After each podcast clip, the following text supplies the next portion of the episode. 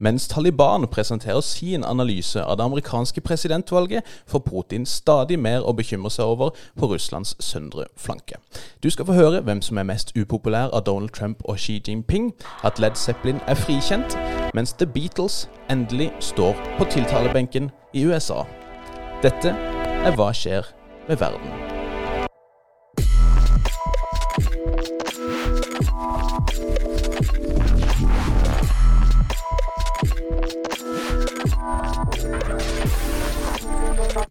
Hei og hjertelig velkommen til en ny episode av podkasten Hva skjer med verden?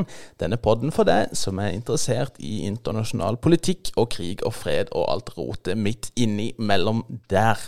Mitt navn det er Bjørnar Østby, og ca. 1 meter og 23 cm foran meg så sitter min gode kollega og makker førsteamanuensis Nikki Brandal. God morgen, Nick. God morgen, Bjørnar. Det er, det er, jo litt uklart her om det er de norske rådene på én meters distanse, eller de amerikanske på seks fot, som er det som beskytter deg. Det er jo noe av det vi syns er vanskeligst med, med disse helserådene, egentlig. Hvilket eh, målesystem bruker vi faktisk her? Ja, det er, jo, det er, jo, en sånn tendens til at når helsemyndighetene setter opp sånn mål for befolkninga, så er det basert på hva de tror de kan få befolkninga til å gå med på. Så fem om dagen i Norge er vel sånn to om dagen i Skottland, tror jeg. Velkommen eh, igjen holdt på å si, til en ny episode, og takk for følget til alle dere eh, nye lyttere. Vi har fått en del nye lyttere i det siste, så det er veldig hyggelig. Velkommen med på denne spinnville reisen. Eh, og Nick, du har sagt at du eh, har lyst til å komme med noen eh, si, lykkeønskninger, noen, eh, noen, hilsener nå i starten av denne nye episoden. Ja, 12.10.2020 er jo en stor dag for to nasjonaliteter. Okay. Ja, Så la oss begynne med å sende ei hilsen til alle våre canadiske venner og lyttere. Eh, og gratulerer med canadisk thanksgiving. Gratulerer så masse. Ja, altså dette er jo, denne, dette er jo noe annet enn amerikanske thanksgiving. Det er jo, dette er jo en tidligere britisk um, dominion, som det heter. Og det er jo mer en sånn høsttakkefest enn den amerikanske som var begynnelsen på utrydninga av uri-månerne i et nokså brutalt folkemord. Så, um, men, uh, men, ikke det at Canada går helt fri der. og De sliter jo akkurat i disse dager med aldri lite rettssak om mm. uh, indianerstammer indianerstamme som går på tvers av grensene, og som nå bare befinner seg i USA, fortsatt har rettigheter i Canada. Stemmer. stemmer. Og de, de, står vel kanskje over en, en flyktningbølge også fra sør eh, om ikke så lenge. det er ikke umulig. Og når vi snakker om eh, folkemord, så må vi jo også sende en gratulasjon til alle våre italienske lyttere, og gratulere dem med Columbusdagen. Uff a meg. Gratulerer skal dere ha. Dette har jo blitt en sånn stridsdag i USA. Mm. Der for uh, italienske amerikanere så er jo dette en sånn viktig dag for å løfte sin identitet og sin tilknytning til den amerikanske nasjonen. Mm. Mens for eh, særlig da ja, minoriteter og amerikanske indianere i særdeleshet, så var jo igjen dette starten da på et ganske omfattende, brutalt og effektivt folkemord. Ja, ja, ja. Og, eh, og når vi først skal gratulere, vi kan vel komme med en litt forsinka gratulasjon til eh, Vladimir også? Definitivt. Ja, ja, ja. Så hvis du hører på Putin, gratulerer skal du ha, du også. Det har jo vært en, en, innholdsrik uke. Vi har mye vi skal eh, gjennom. Og, og, som dere sikkert har fått med dere, hvis dere ikke lever under en stein, så har jo eh, Nobelkomiteen gått ut med sin vinner av eh, Nobels fredspris. Gratulerer til Verdens matvareprogram, får vi si. Ja, og gratulerer til Nobelkomiteen som klarte å både rette ut ei hånd og sparke Trump på leggen samtidig. Ja, det skal de ha. Det skal de ha. Eh, og så får vi si at det er godt å kjenne at høsten er i gang nå som Heffermel også har vært ute og, og liksom gjort det, det, han pleier om hver høst, med å komme med en liten tirade da, om hvordan Nobelkomiteen har misforstått alt og, og liksom eh, gått langt vekk fra Nobeltestamentets egentlige virke og natur osv. I et år som har vært prega av annerledeshet, så er det godt at noe står fast. Ja, rett og slett. Så, så takk skal du fele meg ha for det. Vi må jo nevne at Taliban Jeg holdt på å si våre venner i Taliban. Det er de definitivt ikke. Men, eh, men, våre gamle kjenninger kan vi si, i Taliban har vært ute med sitt take på det amerikanske presidentvalget. Og de har jo også da, ikke så overraskende kanskje, gått ut og sagt at eh, de håper at Trump vinner valget. Fordi han jo gjør det eneste rette og vil få amerikanerne på huet og ræva ut av eh, Afghanistan en gang for alle. Han gikk jo da faktisk ut på Twitter her om dagen og sa at han vil ha alle amerikanere ut av Afghanistan innen jul. Det hørtes ikke ut som han hadde koordinert med de folka som faktisk skal administrere dette her, og de som faktisk skal stå for logistikken. Som jo da har sagt at dette her er helt sjanseløst. Planen er at de skal ut, få ut de siste da innen mai 2021. Så skulle de liksom gjøre det før jul. Det blir vanskelig, da, for å si det sånn. Kanskje steroider til statsledere er en undervurdert eh, virkemiddel i internasjonal politikk? Det har i hvert fall vært spennende å følge det her steroidrusen til, eh, til, Trump live and direct på, på, Twitter. Det var mye capslock og mye utropstegn der, i hvert fall. Og hvis det blir med det, så, så kan det tenkes at dette er noe som vi bør prøve litt mer generelt. Men, men her så jeg faktisk helsepersonell som kommenterte at det var vanskelig å se hva som faktisk handla om effekten av steroider her, og hva som var rett og slett Trump natur, naturlig.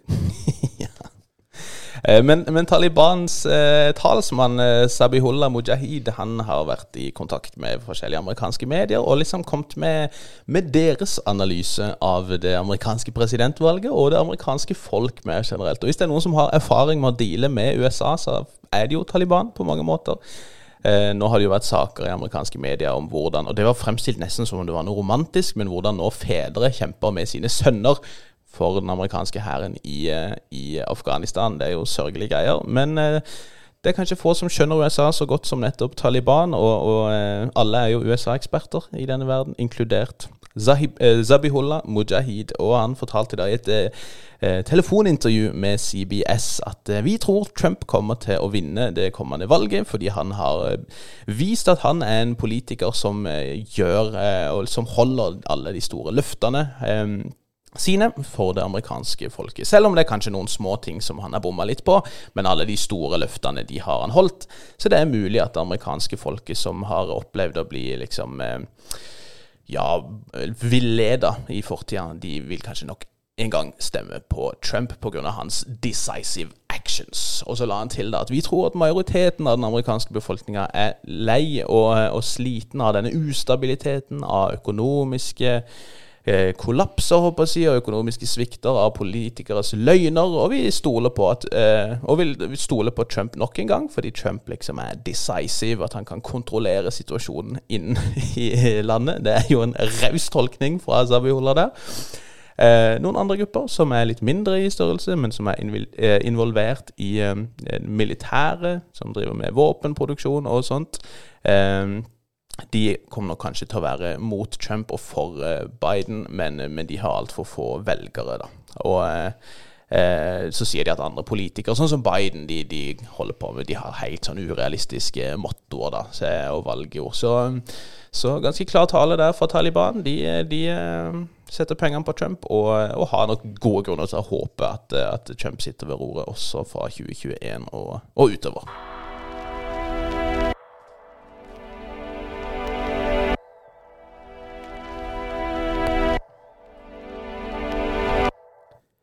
Det har eh, nok en gang vært en, en begivenhetsrik uh, ukenikk med mye ja, skal vi si dårlige nyheter og litt gode nyheter også. Vi skal prøve å, å ta et sveip gjennom en del av disse nå.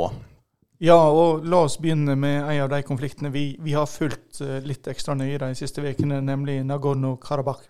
Ja, det er jo eh, vår, vår, nyeste krig, holdt på å si på Europas eh, dørstokk, mer eller mindre, mellom eh, da eh, armenske separatister, primært i Nagorno-Karabakh og Aserbajdsjan, men delvis også Armenia proper.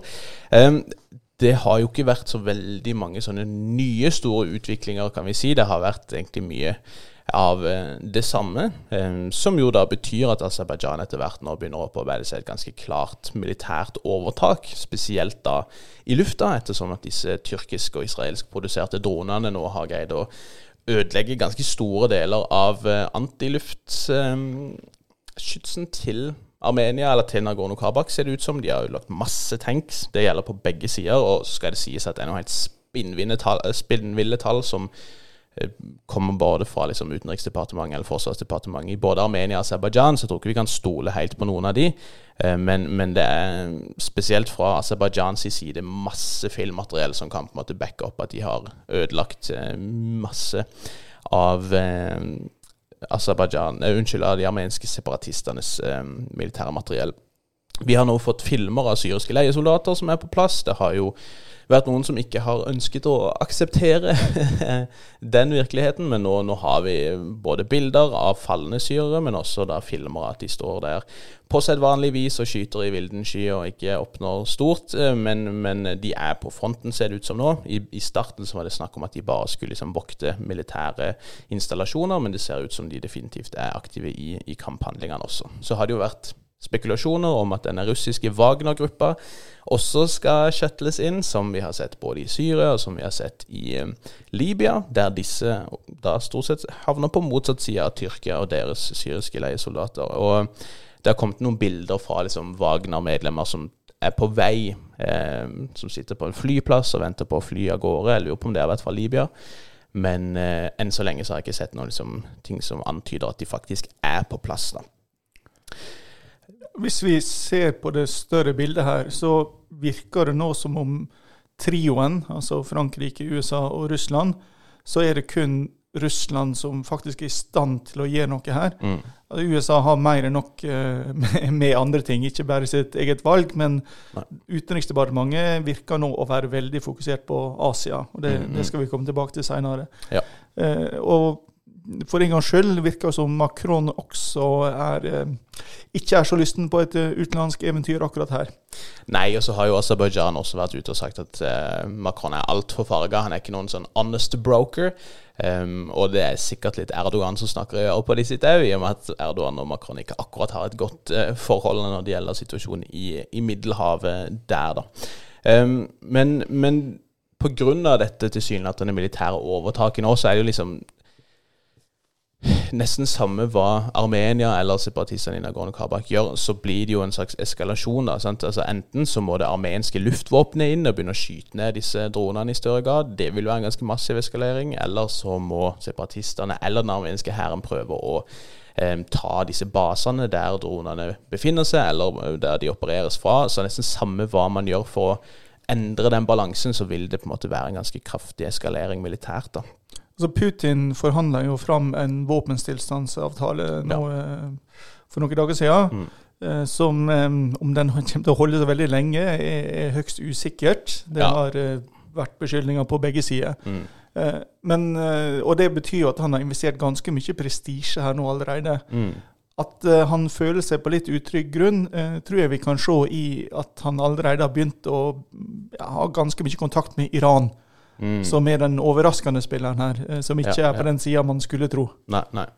nei og, eh, og det, denne våpenhvilen skulle vel tredd i kraft fra liksom klokka tolv på altså ettermiddag på lørdag, vel. Men eh, det gikk jo ikke lang tid før det kom masse beskyldninger. Men så har det jo også kommet ut mye filmer da, både fra Stepanakert, hovedstaden i Nagorno-Karabakh, som blir bomba, men også fra eh, byer i Aserbajdsjan, bl.a. Ganja, der så mye som ni sivile ble meldt drept i går søndag. Så det ser ikke ut som denne våpenhvila egentlig har eh, på noe tidspunkt blitt aktiv, håper jeg men, men samtalene er fortsatt eh, pågående, så vidt jeg har skjønt. Og nå skal ikke vi prøve å være spåmenn, eh, måtte Gud forby, Men hvis våpenhvila kollapser og dette eskalerer opp mot en større krig, så vil oddsa nå være ganske god for at uh, Aserbajdsjan kommer ut som vinner i den mm. lokale krigen. Mm. Som betyr at Erdogan kommer ut som vinner i den regionale konflikten. Ja, just. Um, vår venn Jens Stoltenberg, generalsekretær i Nato, han gikk jo på sin side ut og, og, stolte på at Tyrkia ville bruke sin innflytelse til å roe ned konflikten. Og der vet jeg ikke om eh, vi er,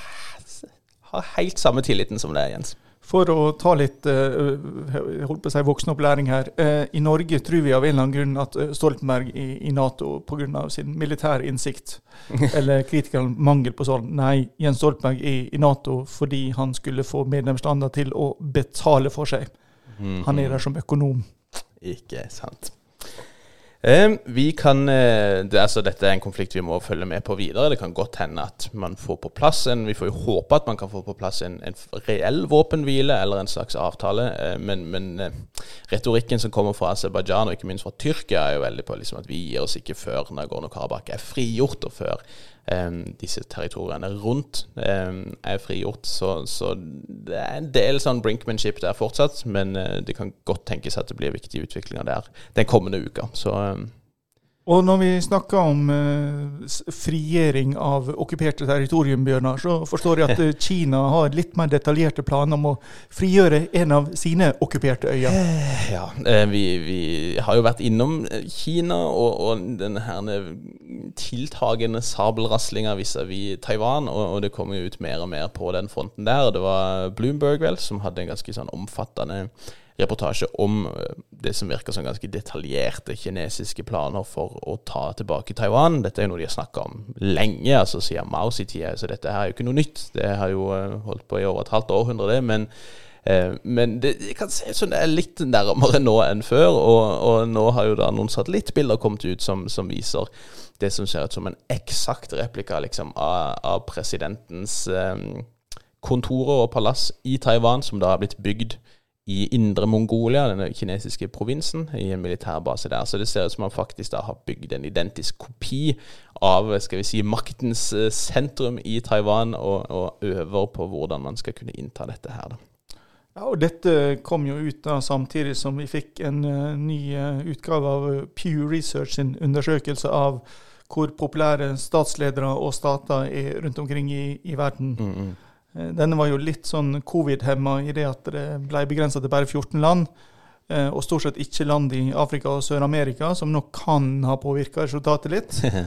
Eh, men det var USA, Japan, Sør-Korea, Canada, Tyskland og Italia og, og den type land. Og ja. her kom det da fram at flertallet hadde et negativt syn på Kina. Mm. og at dette var langt mer negativt enn det var for et år siden. Ja. Og Dette ble da i analysen til Pew knytta både til håndtering av covid-19, men også den økte undertrykkelsen av minoriteter og den prodemokratiske opposisjonen i, i Hongkong. Mm. Og En ser også at, at, Kina blir i langt mindre grad vurdert som en positiv eh, styrke eller kraft i eh, den internasjonale økonomien. Mm. Eh, de eneste to landene der dette ikke var så synlig, eller altså der du ikke så en veldig negativ utvikling i synet på Kina, var, var Japan og, og, Spania av en eller annen grunn. Interessant. Eh, og eh, det var også gjennomgående et negativt syn på Xi Jinping som leder. Mm.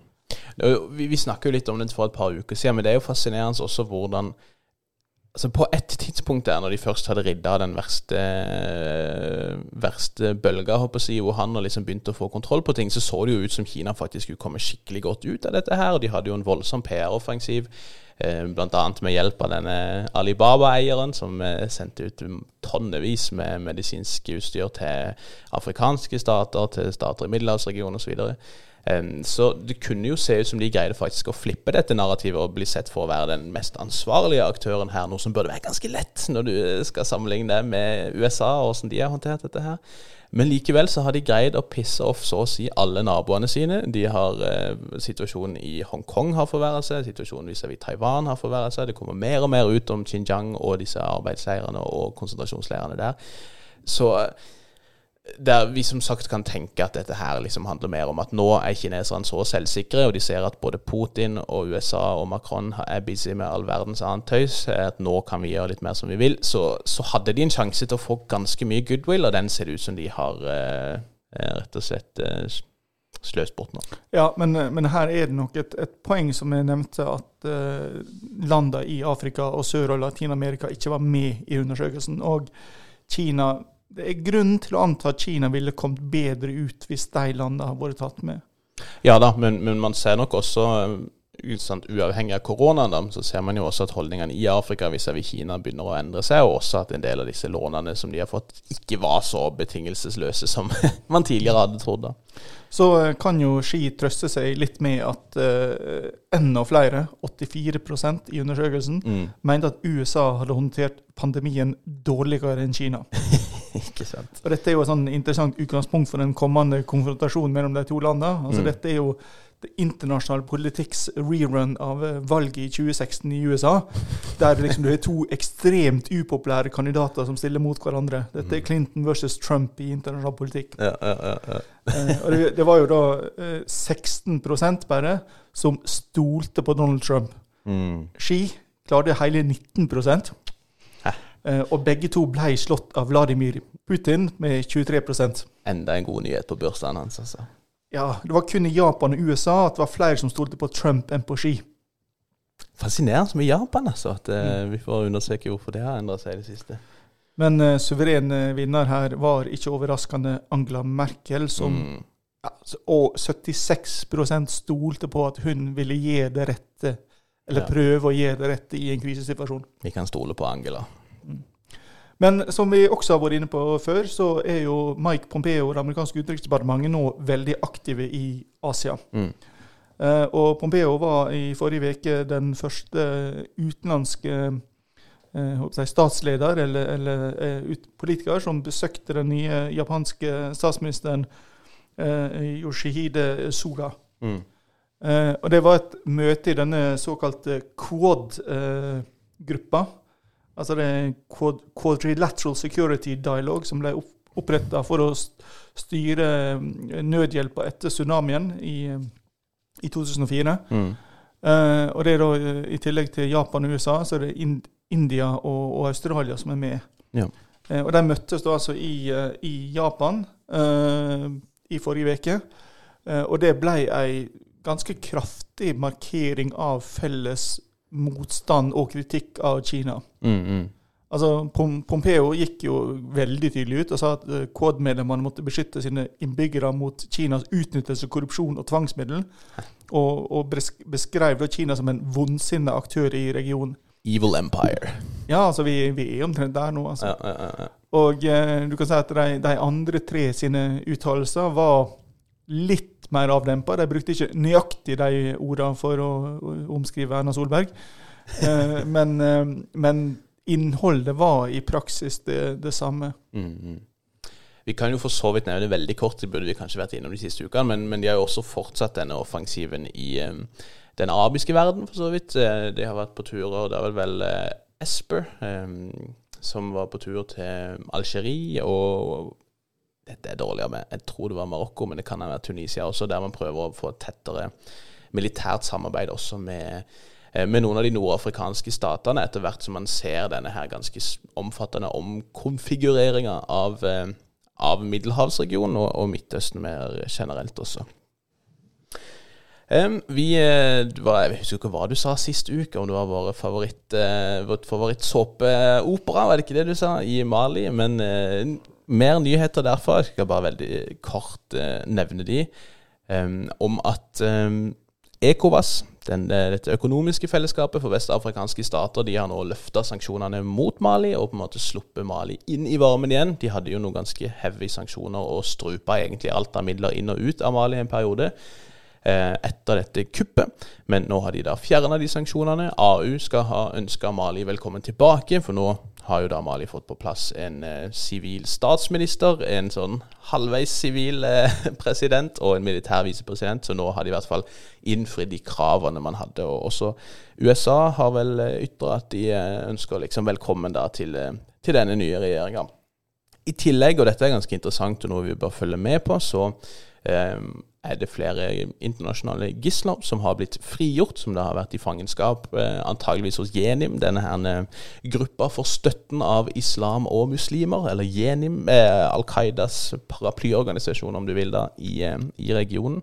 De frigjorde en en opposisjonspolitiker som heter Somalia Cissé, som har vært fanga siden mars. Eh, De har frigjort en eh, fransk bistandsarbeider, to italienere som er litt usikre hva Virke hadde, og, og en prest.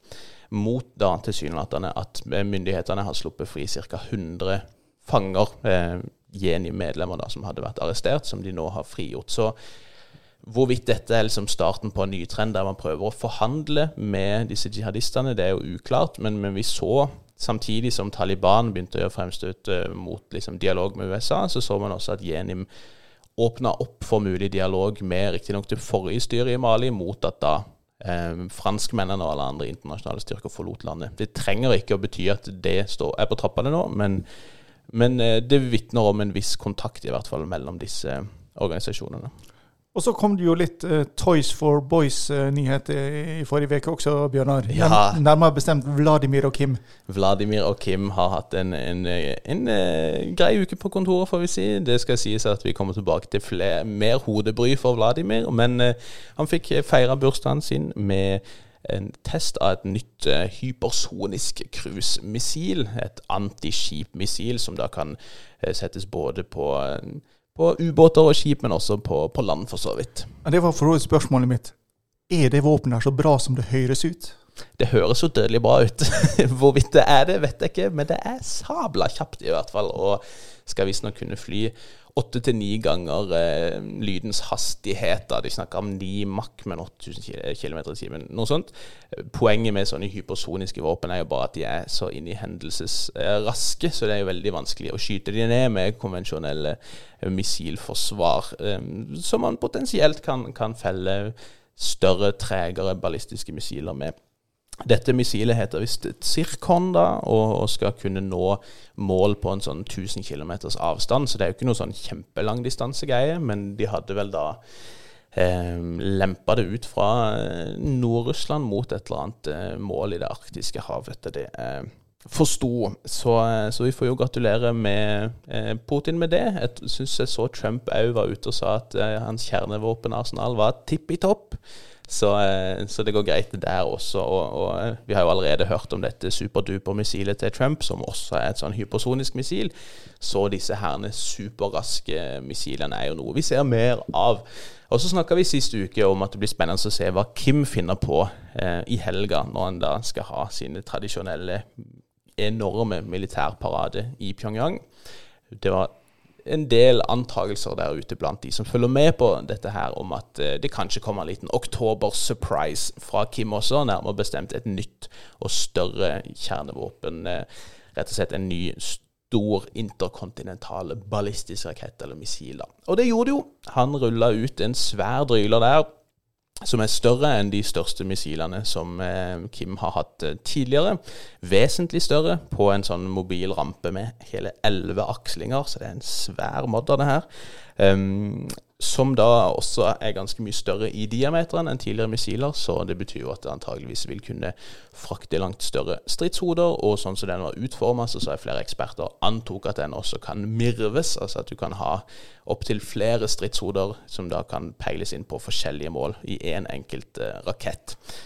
I alle andre år i verdenshistorien hadde jo dette vært ei stor greie. Mm. I 2020 så er jo dette bare sånn bitte lite ekstra bidrag til den støymuren i Washington DC som drukna alt. ja, og Trump har jo liksom fått det han ville fra Nord-Korea. Han fikk sin realityshow-opptreden der noen handshakes eh, og dette ganske romantiske forholdet med, med, Kim som han endelig fikk møte face to face. Så han har vel fått ut det han trenger der, og så er det ikke så nøye hva eh, Kim faktisk gjør for noe. Og det viser jo bare at det ikke har hatt noen effekt, alt dette snakket og alt dette, alle disse opptredenene. Nord-Korea har gjort som de vil, og nå har de et eh, våpen som antageligvis kan nå lengre, som kan peiles inn på flere mål på en gang, med en desto større sprengkraft enn tidligere. Og til Kim, hvis du hører på oss, hvis dette skal bli en October Surprise, så, så, må du nå få det til å smelle høyt i tillegg. Det hjelper ikke bare å vise det fram. Og, og dette, var ikke, dette var ikke en oppfordring, bare så det er klart. det stemmer. Det var faktisk litt frustrasjon blant disse Nord-Korea-følgerne og, og kjernevåpenfølgerne, for denne paraden begynte ikke når man eh, hadde tenkt, og det har vært spekulasjon i at denne kanskje ble filma på et tidligere tidspunkt. Dette foregikk tydeligvis på natta. Um, når det av og til foregår på dagtid, så det var også spekulasjon i at man kanskje har klippa sammen forskjellige bilder fra forskjellige tidspunkt osv. for å unngå å bli oppdaga. Men uh, uansett så ruller han ut dette svære Dryler-missilet, og det er ikke akkurat gode nyheter. Så har vi allerede annonsert at vi skal til Putins sørflanke, Bjørnar. Ja, vi har det. vi har det. Og, og, eh, der Putin har hatt bursdag, og der han har fått seg et nytt missil, og, og kan skilte med at han ikke er så dårlig likt som eh, Trump og Xi Jinping, så har han fått eh, enda mer hodebry nå. Først Hviterussland, og så eh, hans venner i Armenia, og nå har det da atter en gang blitt eh, uro i Kirgisistan. Jeg vet ikke hvorfor vi har en ekstra si på, på norsk, siden det heter Kyrgyzstan på, på, engelsk. Men vi liker lange ord, så Kirgisistan blir det.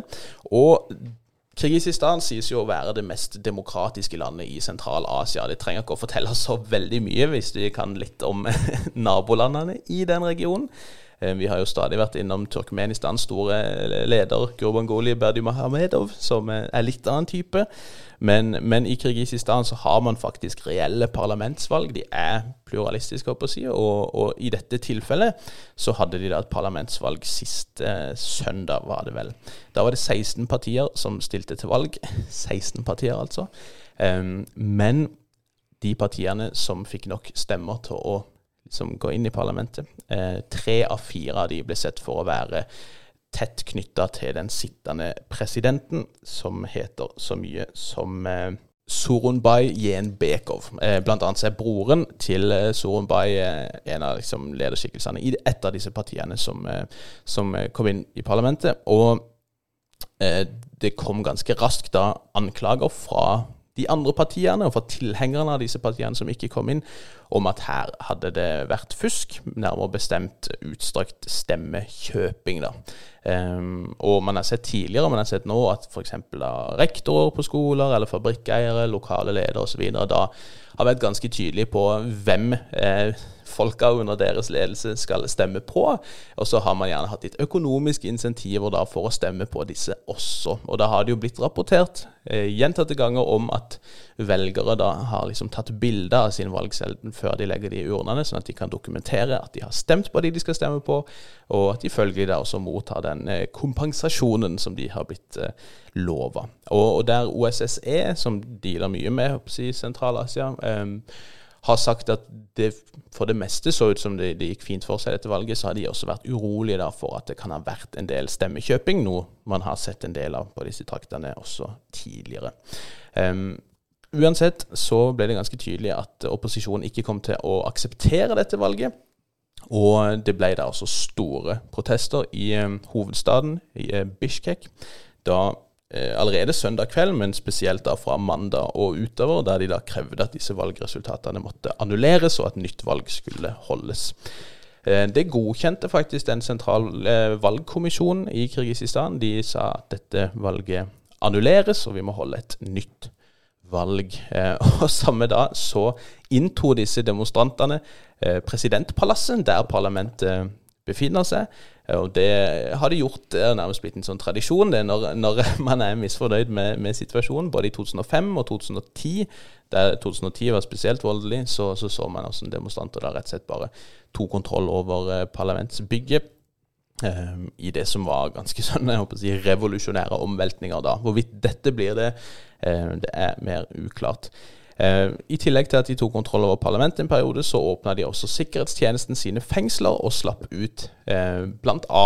den forrige presidenten, Almazbek Atambayev, eh, som da er den sittende presidentens erkerival. Og de slapp også ut flere andre politiske figurer, som vi skal komme tilbake til.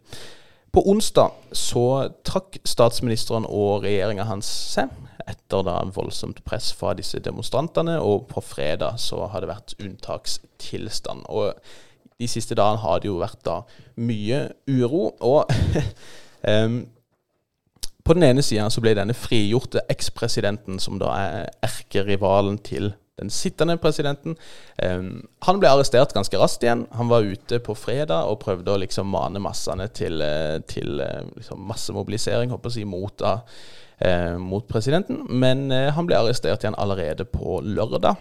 Og eh, samme dag så var det et halvfullt parlament som eh, ble enige om å innsette en ny statsminister, i og med at den sittende regjeringa hadde trukket seg.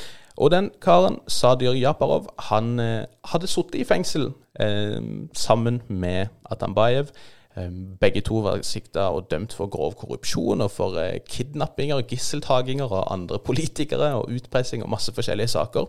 Og skulle egentlig sitte inn i elleve år, men begge ble frigjort. Den ene ble arrestert på nytt, det gjorde ikke Japarov, og han ble da satt inn som landets nye statsminister på lørdag. og han ses visst for å være langt mer positiv til den sittende presidenten enn enn hans felles eh, innsatte. Som kanskje kan indikere da at, at sittende president Jembekov greier å liksom beholde kontrollen enn så lenge. da. Eh, men her er det jo masse som er usikkert. Jembekov, Bekov, presidenten, har antyda at han vil tre av når et nytt kabinett kommer på plass. Eh, men så er visstnok reglene sånn at hvis presidenten trekker seg, så er det lederen av parlamentet som skal ta over. Per dags dato så er det ikke noen leder av parlamentet, for den trakk seg sammen med resten av, av kabinettet. Så nå har man bare en slags eh, visepresident som sitter der, eller altså en, en vara, mer eller mindre.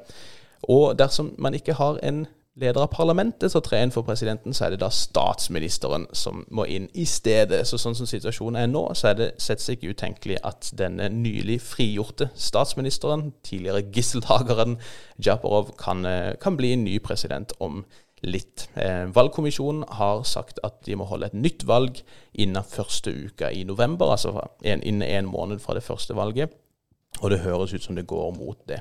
Imens så har jo da Djembekov, presidenten, erklært unntakstilstand. Man har jo sett også hvordan militæret har rykka inn i byene, hvordan de har lov til å sette opp checkpoints osv.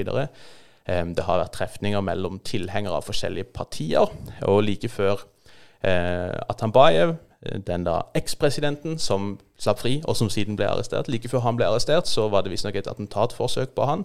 Det var liksom eh, trefninger, håndgemeng blant forskjellige tilhengere av forskjellige partier på lørdag, og da skal også skudd ha blitt retta mot bilen til Atambayev. Men han overlevde det, men røyk rett inn i kasjotten kort tid etter.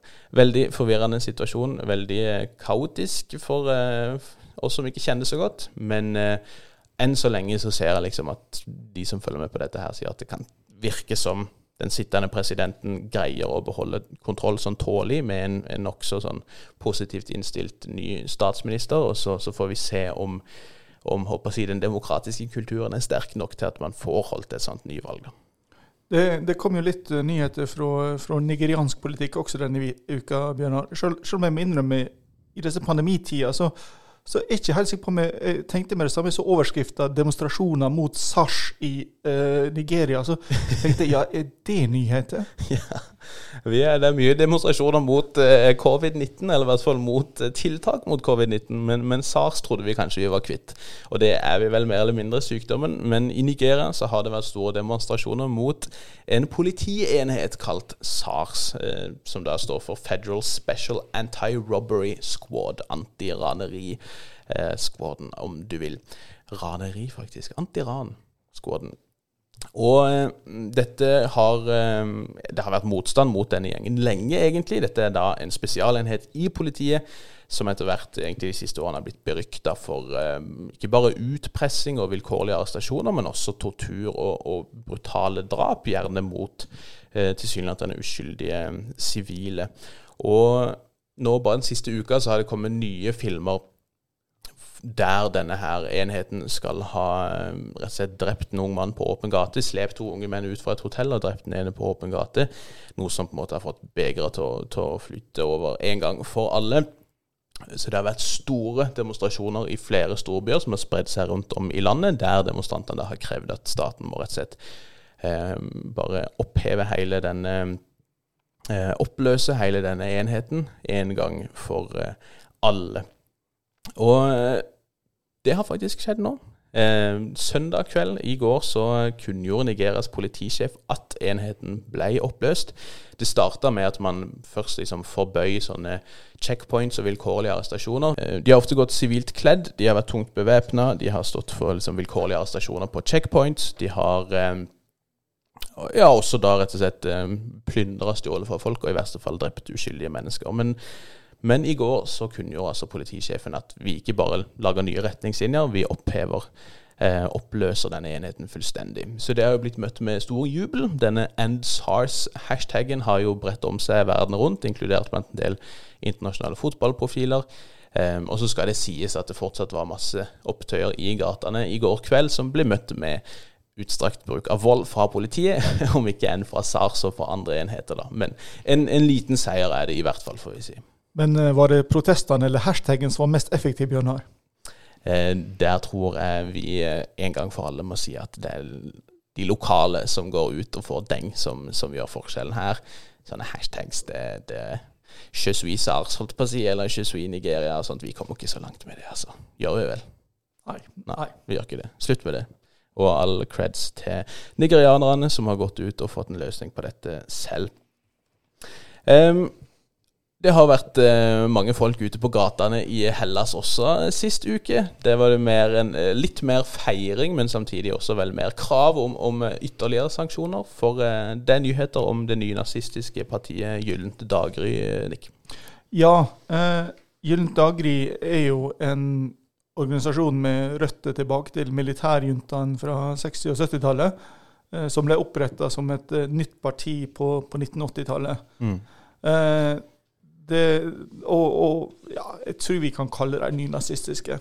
Uh, uten at vi skal komme opp i altfor mye bråk. Ja, de betegnes ofte som det i internasjonal presse, ja. om ikke annet.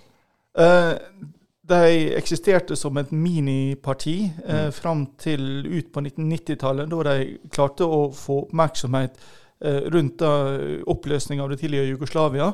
Eh, og særlig da når Makedonia erklærte seg som en ny stat. Navnet mm. Navnet Makedonia er jo knytta til Alexander den store og Hellas historisk. Og Hellas generelt likte ikke å få en stat som heter Makedonia, og mm. staten må jo er det, det Nord-Makedonia det endte opp med å hete? Ja, det var et par år siden det ble Nord-Makedonia. Ja. Ja, på, mm. på 90-tallet så, så, hadde du jo det fantastiske navnet Fyrom. Former Yugoslav Republic of Macedonia. Ja. Yes, eh, men du kan si medlemmer av dette Gyllent daggry-partiet var faktisk med i krigen i Bosnia på Republika Serbska sin side. Og, mm. og de var også medlemmer med i Srebrenica. Mm. Eh, uten at noen har blitt eh, dømt for dette her. Mm. Eh, så, så, fortsatte dette partiet og, og litt mer oppmerksomhet. Jeg hadde sånn 4000-5000 stemmer kanskje i, eh, ved valg fram til finanskrisa. Mm, mm. Og da eksploderte det plutselig, når alle de tradisjonelle greske partiene havna i diskreditt.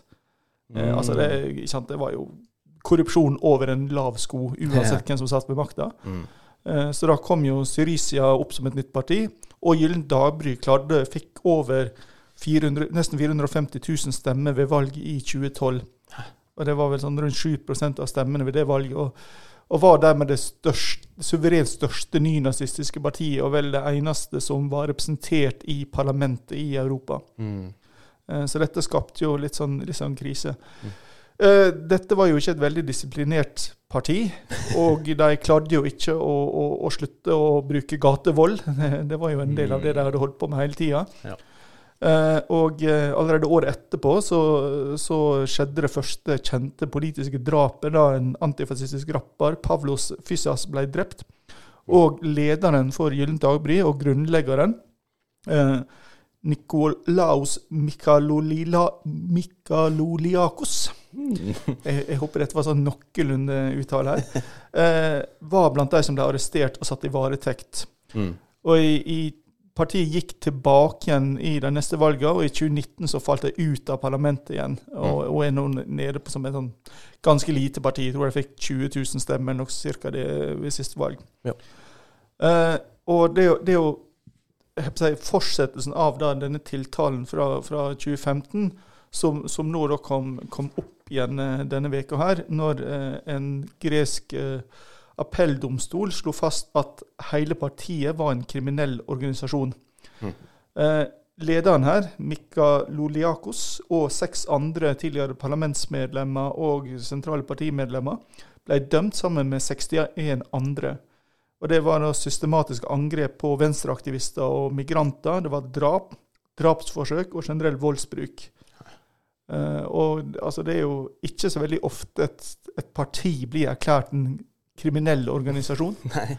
Uh, i, i, Norge så er vel Nasjonal Samling det eneste partiet etter andre verdenskrig som uh, har, har, fått det på seg. Mm. Um, så, uh, men vi kan vel nå antageligvis slå fast at dette partiet er, er, ferdig som i, i gresk politikk. Mm. Så blir det jo det interessante spørsmålet hva kommer i staten? Ja, det er akkurat det. Bet you the devil you know, sies det. Vi får se om det er tilfellet i gresk politikk. Eh, men du har eh, helt på tampen av vår roundup også litt eh, nytt fra våre, det kan vi si, våre venner i Frankrike og Tyskland. Ja, det, de har jo nå foreslått nye EU-sanksjoner mot Russland pga. Mm. denne forgiftninga av opposisjonspolitikeren Navalny. Mm. Eh, og nå inkluderer det målretta sanksjoner mot alle som har vært involvert i Novisjok-programmet, altså den gifta som da har blitt mm. brukt. Uh, og, og, Bakgrunnen her er jo at det, i tillegg til at laboratorium i Tyskland har slått fast at det er den gifta som har blitt brukt, i Frankrike har slått fast samme, og laboratorium i Sverige, så har nå også Organisasjonen for forbud mot kjemiske våpen uh, undersøkt og kommet til samme konklusjon. Ja, ja. Uh, og det interessante her er at språket nå ikke er så veldig diplomatisk. Det er et veldig direkte språk, mm. og det er et språk retta rett mot Russland og rett mot Putin. Mm. Interessant. Uh, så det er definitivt tilskjerping uh, av, av, dette, av, forholdet mellom disse landene uh, og Russland, og mellom EU og Russland. Mm. Og, og, dette skjer samtidig som det starta en rettssak i, i, Berlin onsdag i forrige uke mot Vadim K. Tyske medier oppgir jo aldri fulle navn på nei, nei. tiltalt. Det er liksom fornavn og så bokstav. Mm. Og, og, og, Vadim K. er jo tiltalt for drapet på en georgisk statsborger i Berlin i fjor, som hadde kjempa sammen med de tsjetsjenske opprørerne mot Russland. Mm. Så um, du, ja, du, har nå en ganske tydelig anti-russisk stemning i, i Tyskland. Ja. Og, og, dette retter seg jo også mot uh, de som blir sett på som Russlands støttespillere, bl.a. tidligere kansler Gerhard Schröder, mm. som i praksis har vært en lobbyist for, for Putin. Mm, mm. Så det er nye missiler til tross, og bursdagsfeiring til tross, så er det mye hodebry for eh, Vladimir om dagen.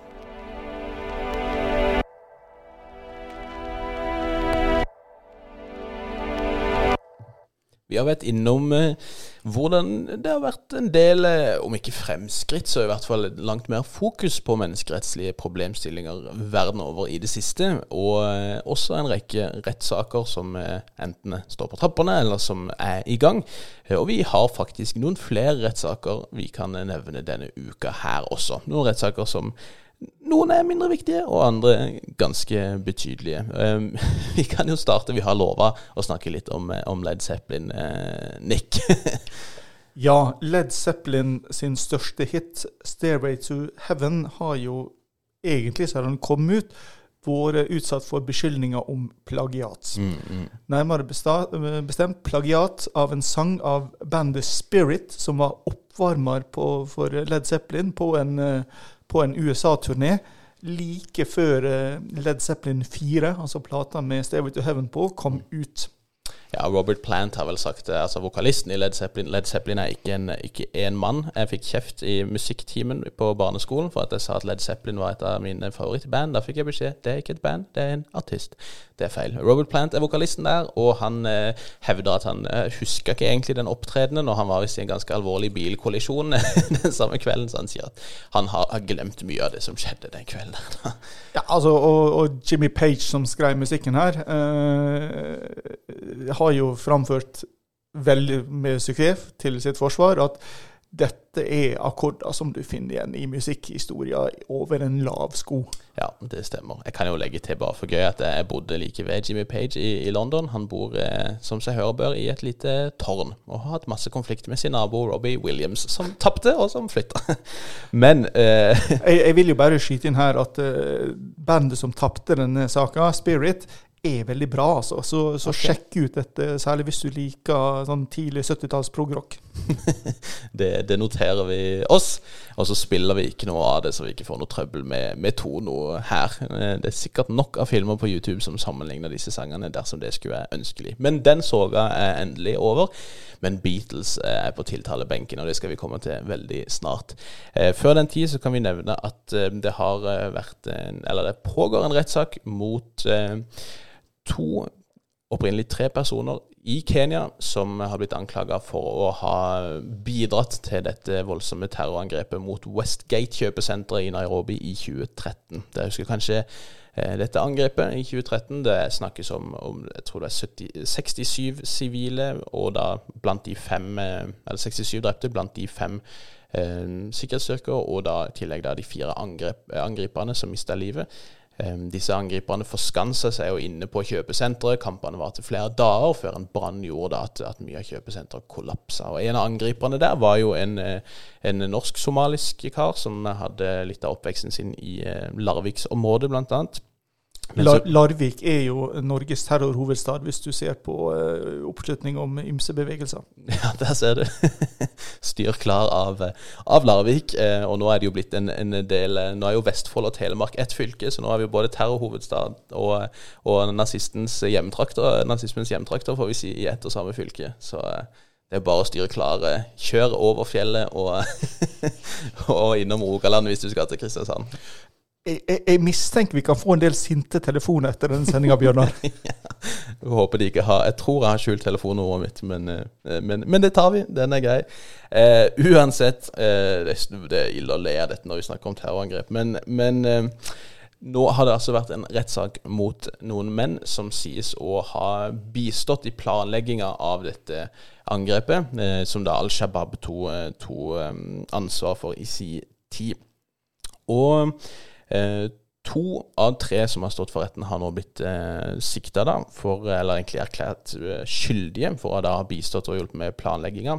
Eh, mens en tredjemann, som var bror til en av angriperne, da har blitt eh, frikjent. Dommen faller først av 22.10, så vi vet ennå ikke helt hvilken, hvilke strafferammer som vil bli gjeldende.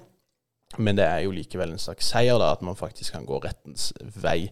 Så skal det sies at denne tredje karen som ble frikjent, han eh, ble kort tid etter arrestert på åpen gate, eller bortført, rettere sagt, av væpna menn. Eh, så man vet ikke hvor denne tredje frikjente karen er hen. Og det har vært spekulert i at det kan være antiterrorpolitiet selv som har bortført han. Det er dessverre ikke nytt at en del eh, som har blitt frikjent i sånne typer saker, bare ender opp med å forsvinne sporløst i etterkant, og det er nok fare for at også det kan ha skjedd denne gangen.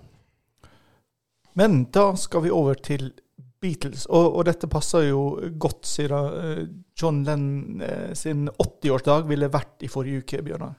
Eh, det stemmer. Og vi skal ikke feire John Lennon ved å hylle Imagine, som vi har erklært vårt, i hvert fall jeg har erklært mitt hat overfor gjentatte ganger.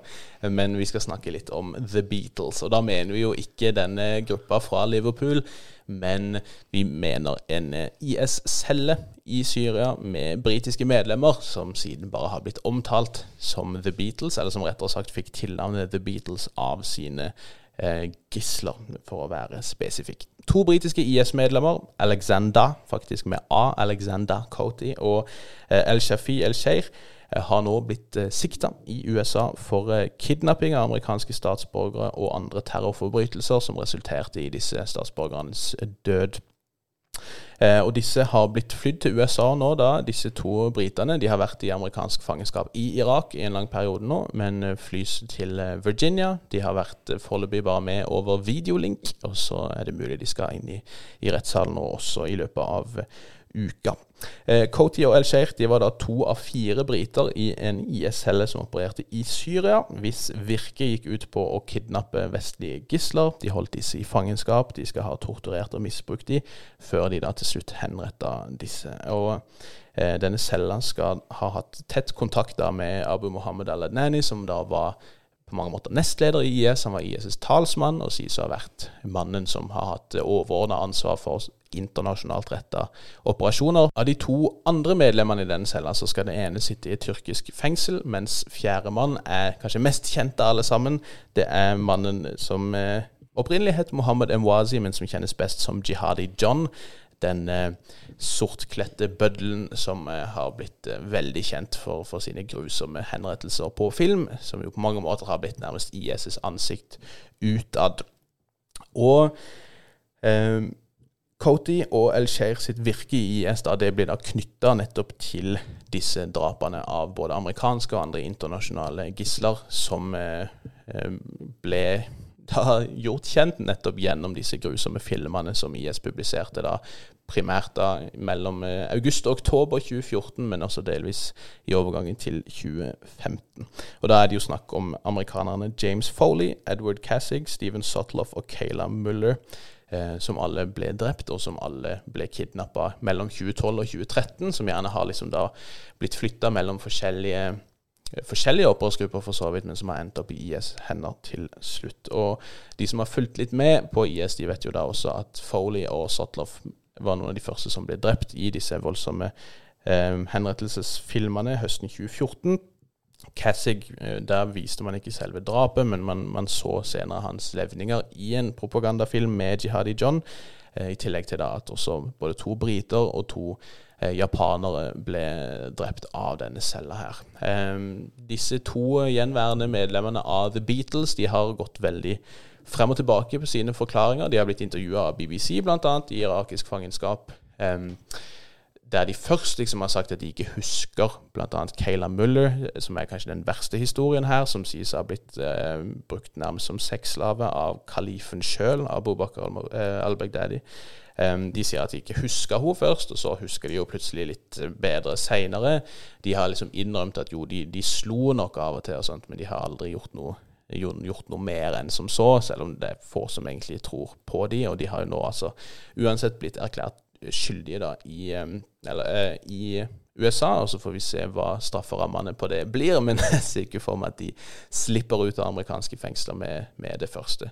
Emwazi han møtte jo en litt annen form for uh, rettferdighet, kan man si. Han ble jo også drept i et droneangrep i 2016. Men vi får jo si at det er en god ting at man kan løse At man kan gå rettens vei for at rettferdigheten skal skje fyllest, Nick. Definitivt, Bjørnar.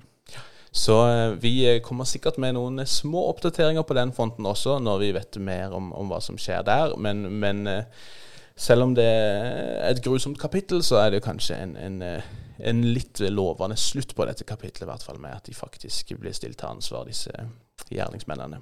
Og en lovende slutt håper vi jo også å få på podkastene om det amerikanske paradokset, Bjørnar.